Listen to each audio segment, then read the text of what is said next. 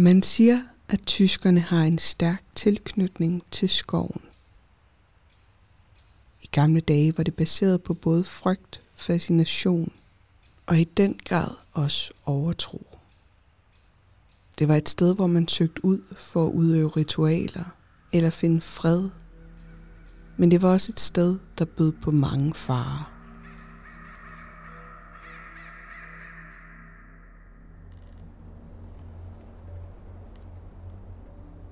Utallige tyske legender og vandrehistorier tager nemlig udgangspunkt i skoven.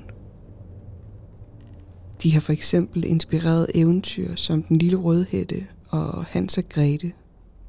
Begge eventyr skulle brødrene Grimm have tiltænkt at foregå i den berygtede skov Schwarzwald. For mig er Tyskland et af de steder, som byder på utrolige mængder af uhygge. Der er utallige historier om varulve og hekse, og ikke mindst uanede mængder af tyk, mørk skov.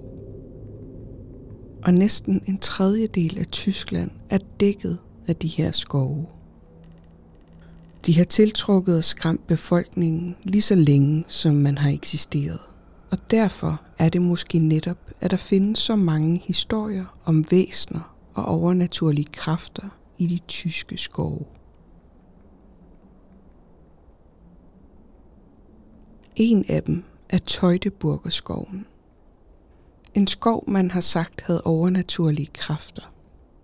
Blandt andet fordi det skulle være her, at germanerne i de mørke, sumpede skove lokkede romerne i et bagholdsangreb, der resulterede i et bloddrøbende slag der i sidste ende gjorde, at Romeriet måtte opgive alle planer om at overtage et større areal af det, der i dag er Tyskland. Men det er faktisk ikke det eneste, der resulterede i fortællinger om uforklarlige energier. I Teutoburgerskoven finder du nemlig også en ret mærkværdig klippeformation i sandsten.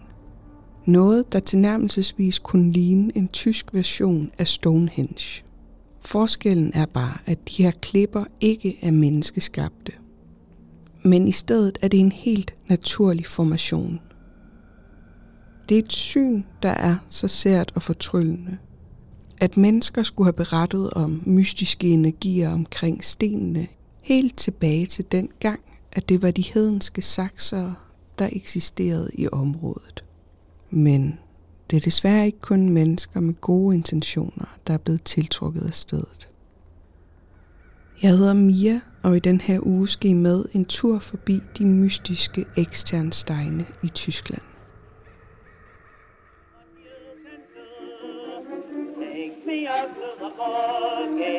Take me out with the crowd. Oh, buy me some peanuts and crackers, Jack. I don't care if I never get back. I don't care if I never get back. I don't care if I never get back.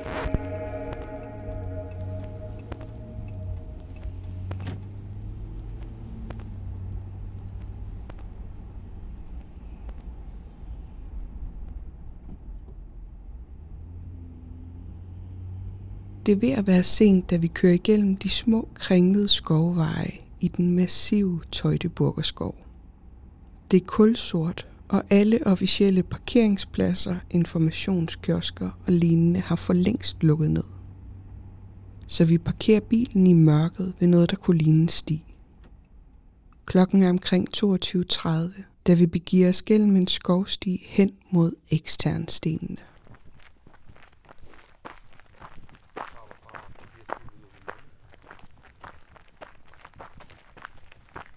Med mig har jeg hele min familie. Jette, min mor, Mikkel, min lillebror, som jeg også mødte i sidste afsnit. Og så har jeg også Flemming, min far. Og selvfølgelig også de to små kernterrier, Bamse og Buster.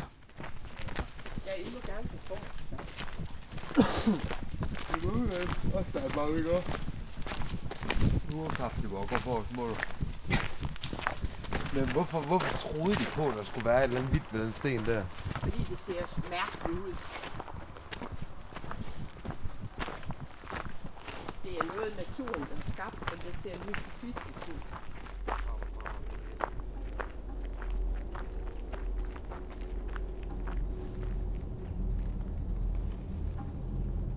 Tøjteburgerskoven er nok mest kendt for at skulle være centrum for det, der kaldes romernes største militære nederlag og mareridt.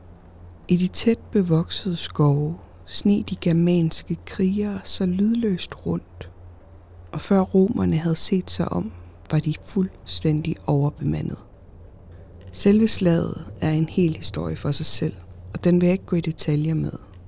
Men det blev et bloddrøbende slag, og man regner med, at omkring 16-20.000 romerske soldater mistede livet i den tyske skov.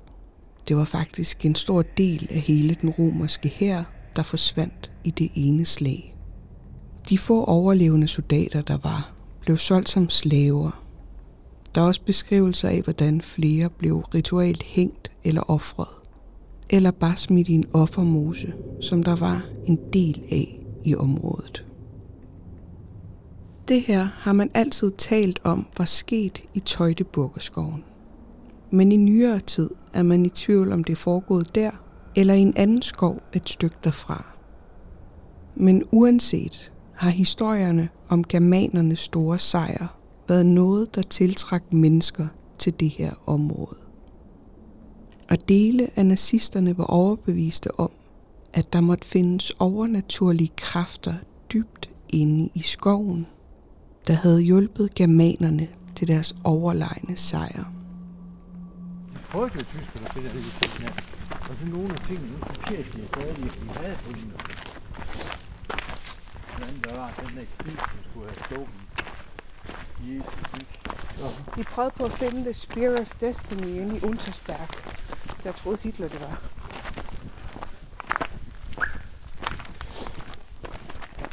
Spear of Destiny.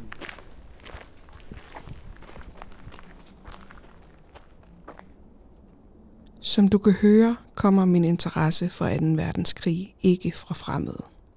Hvis du kan huske sidste års sommerferieafsnit fra Untersbergbjerget, så talte jeg netop i det om nazisternes store besættelse af det okulte. Især Heinrich Himmler og hans SS-division var tiltrukket af hedenske ritualer, og især deres germanske fortid. Og netop derfor kastede de deres kærlighed på Teutoburger skoven og de mystiske eksternsteine. Så da Himmler udvalgte renaissanceslottet Wevelsburg til at være SS-divisionens skole, var placeringen, der er ganske tæt på skoven og eksternstenene, nok ikke helt tilfældig. Himmlers okulte højborg, Wevelsburg, skulle være omdrejningspunktet for hans sorte interesser. Og med placeringen tæt på Teutoburgerskoven skulle nazisterne blandt andet fejre solværv ved de gamle sten. Deres absurde propaganda tryllebandt et folk, og nazisterne ledte desperat efter deres germanske forfædres fodspor, så de kunne bruge fortællingerne om, hvor vigtige og dygtige germanerne var, i en romantisk fortælling om deres tyske rødder. De troede, at det ville kunne bevise, at den ariske race var overlegen. Og på en eller anden måde skulle det kunne retfærdiggøre deres fuldstændig horrible ideologi og dens forfærdelige konsekvenser. På den måde kunne de få folk med på at dyrke det nationalistiske i en højere grad. Der var bare den lille detalje, at de ikke holdt sig for gode til at lyve om det, de fandt ud af. For eksempel bad Himmler om at få lavet en arkeologisk udgravning omkring eksternstenene, for at kunne bevise, at de havde været brugt af deres germanske forfædre. Og da arkeologerne ikke kunne finde noget, der beviste germanernes brug af stedet, svarede Himmler, indtil videre er det germanernes. Og så fortsatte nazisterne med at fortælle de her romantiserede historier om deres forfædres hellige brug af stedet til ritualer.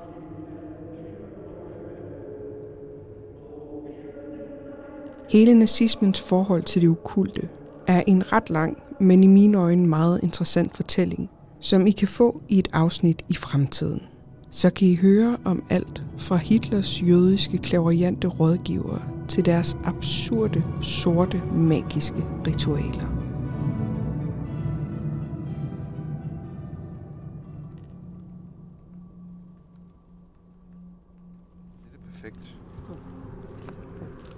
Må da være godt. Det er jo en offentlig sti.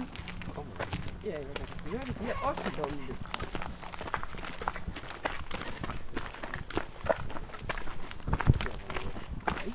Hvis de har omvendte kors på, så, så Så siger vi bare godnat og gå videre. bliver vi bare Det går fint, ja.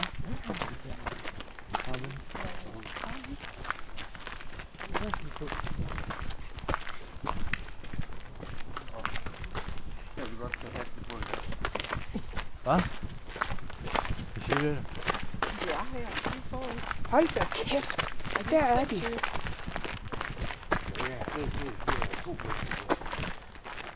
I mørket bliver skovstien pludselig afløst af et stort åbent område. Ude i mørket toner klipperne frem. De står som 40 meter høje store sten ved siden af hinanden, og det ligner næsten en enkeltstående væg i klippe, som havde det været en borg eller en fæstning. Men når du kommer tættere på, kan du se mellemrummene mellem stenene. Og i det største mellemrum går der en bred sti, så man kan komme hen på den anden side og videre ind i skoven.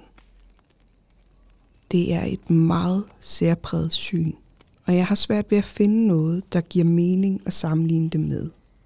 To af stenene læner sig ind mod hinanden, og mellem dem, der går en buet bro. Der er stadig kul sort, men som vi kommer ud fra træernes tag, giver den mørkeblå himmel en smule mere overblik over området. Og mellem to af klipperne kan vi nu se et levende varmt lys. Og så kan vi høre de fjerne stemmer fra menneskene omkring bålet. Ser det ikke fedt ud? Jo, det ser sindssygt fedt ud. Hold da kæft, jeg kan da godt forstå, at de synes, der er noget power i det der. Det går hele vejen rundt der. Det er også nogle klatter, der bare sat op. Ja, man kan også gå ind imellem. Det kan jeg. Så at man kan gå ind imellem. Det vil. Og der er sådan, ja, der sidder nogen. Man kan også, der er også sådan helt deroppe, kan I se det? Jamen, det var det, jeg sagde. Jeg kunne se nogen på toppen af den, der sad og røg. Fordi der kom en tegn, en tændt lighter deroppe. Kæft, hvor ser det altså dybt ud.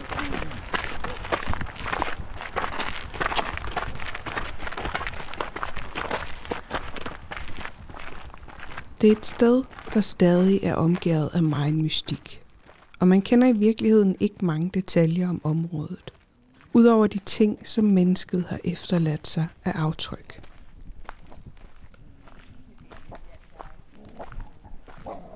Nej.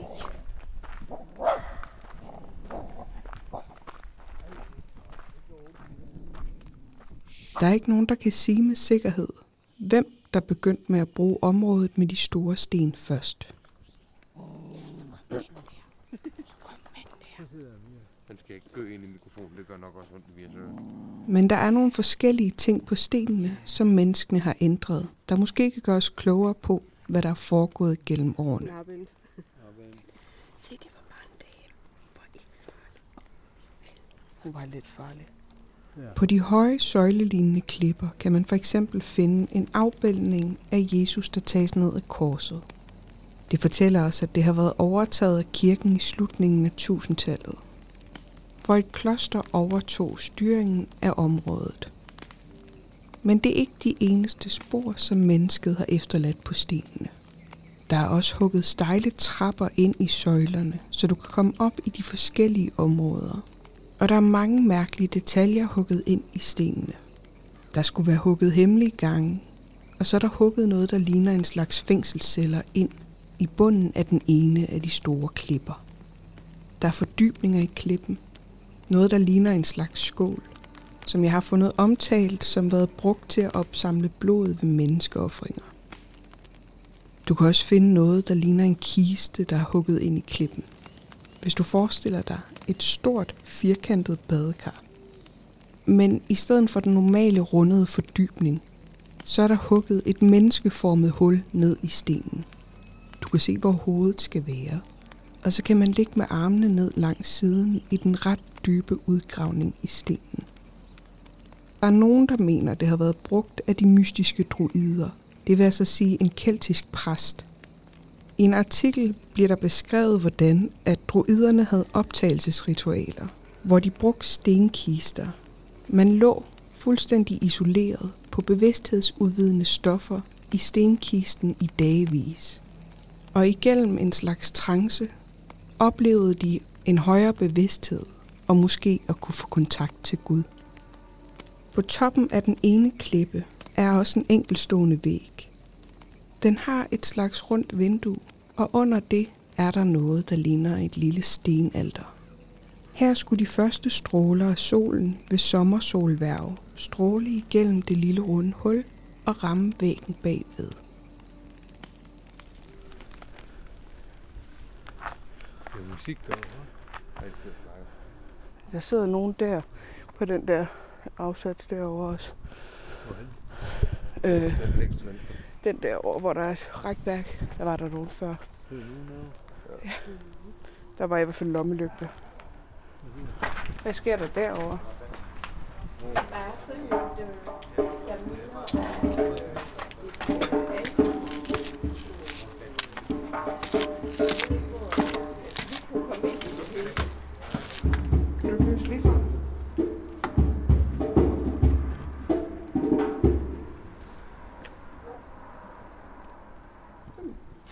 På mange måder er eksternstenene bare et stort mysterie.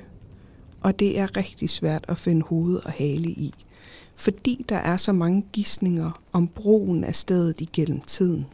Men én ting går dog igen i de forskellige beskrivelser af området. At stenene og området besidder en eller anden form for energi. Og det er blandt andet det, der stadig tiltrækker folk i massevis.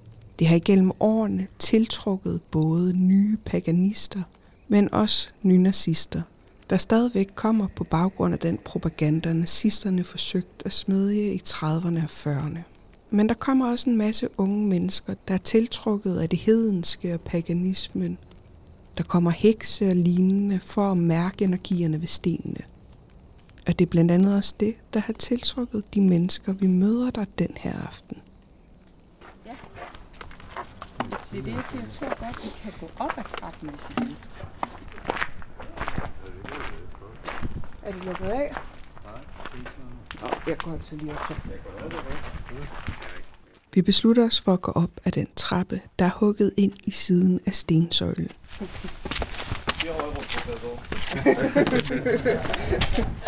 Danke. Aber Vi går forbi gruppen af mennesker. Der er en 10 stykker, der sidder rundt omkring et stort bål mellem klipperne. Åh, det her, det går lige min højde skræk. Det går ikke for mig, jeg kan ikke se. Flere af indgangene af rummene på stenene er lukket af om natten. Men trapperne her er ikke. Trinene er høje og skæve. Men der er heldigvis blevet tilføjet et gelænder på et eller andet tidspunkt i nyere tid. Jeg bliver og venter på de andre på den første repo. Som du kan høre på min ret panikkede stemme, så kan min højdeskræk ikke tillade mig at gå længere op, selvom at jeg lød ret kik, da jeg besluttede mig for at gå op ad trapperne.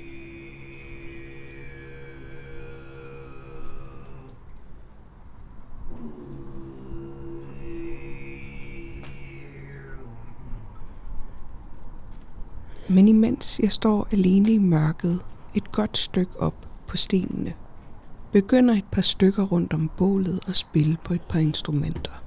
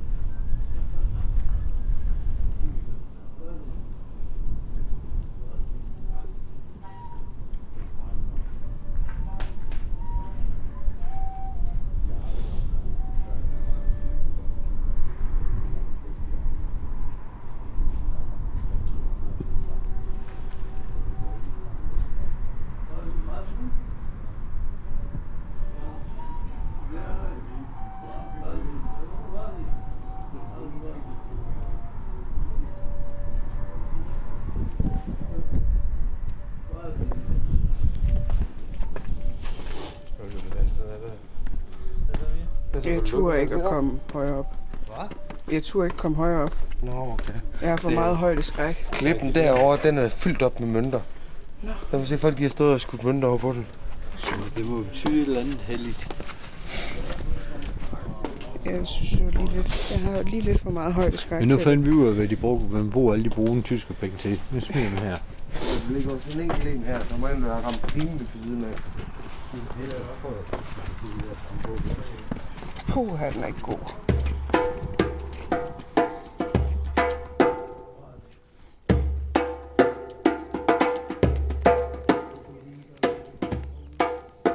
Det er en ret surrealistisk oplevelse at stå der, og det er svært at beskrive det. Vi var lige kommet fra Schweiz. Der havde været 36 grader varmt. Det havde været ulideligt varme nætter, der ikke kunne køles ned med andet end ventilatorer, som vi så bare måtte sove med direkte ind på os. Så selvfølgelig blev vi alle sammen syge. Og på det her tidspunkt er jeg som den sidste ved at være blevet ret syg. Og det kan du nok også høre på min rimelig besværede vejrtrækning. Jeg er nemlig fuldstændig tilstoppet.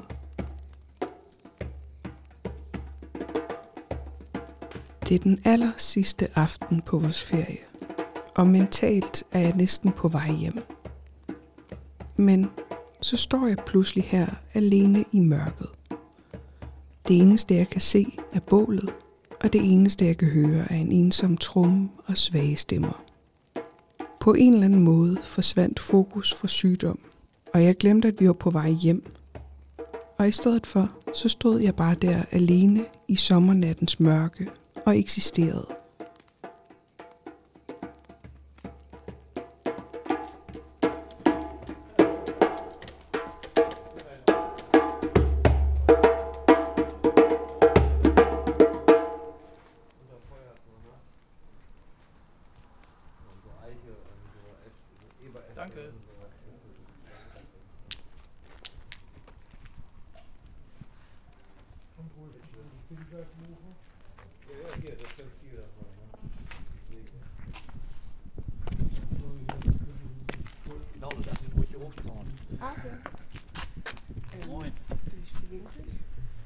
Uh, just a little bit.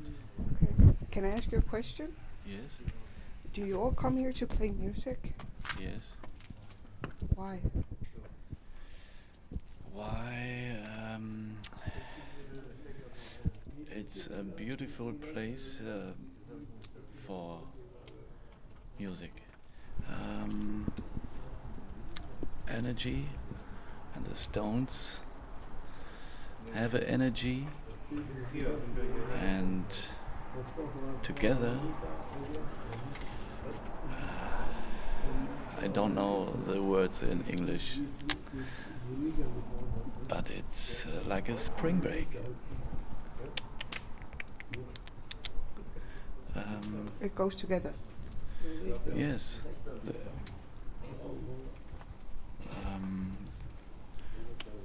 energies goes hand in hand. So and they they dance. Thank you. Vi taler lidt sammen. Han er kommet for at nyde energierne ved stenene og spille musik. Alle virker venlige. Der lugter af bål, røgelse og joints. Han giver an til at ville spille videre, og jeg vil ikke forstyrre ham mere. Men lyden af hans tromme følger os hele vejen tilbage til den mørke skov. And thank you for playing something. It was really nice.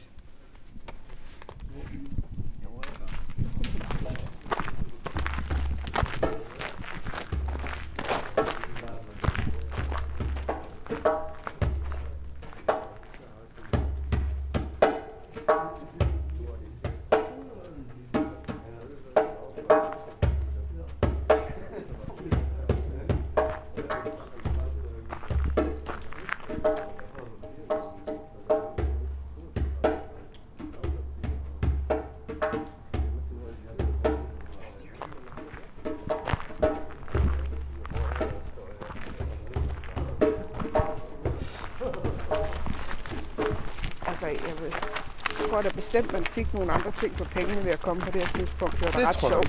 Det var det. Ja, det er var også godt, en anden fest herude. var godt, vi ikke betalte for at gå ind, fordi at jeg turde ikke at komme op alligevel. Jeg har simpelthen for meget højdeskræk.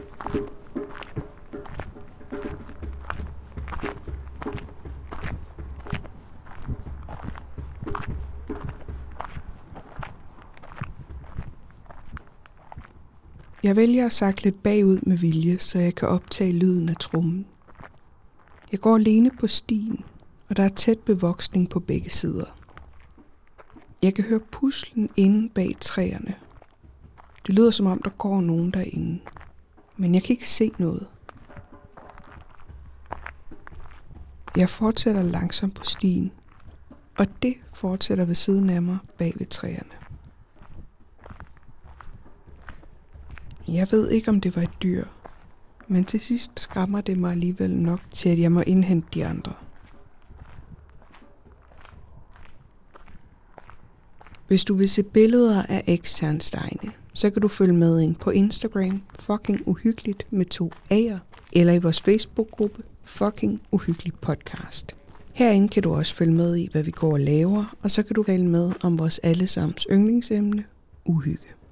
Hvis du kan lide det, du hører, så kan du hjælpe os rigtig meget ved at skrive en lille anmeldelse af os. Du kan give os et like ind på Podimo, og så kan du give os nogle stjerner ind på Spotify og på Apple Podcast. Det hjælper os rigtig meget med at komme ud til flere mennesker, og på den måde kan vi få adgang til flere steder. Jeg håber, at du vil lytte med en anden gang, og så håber jeg, at det også bliver fucking uhyggeligt.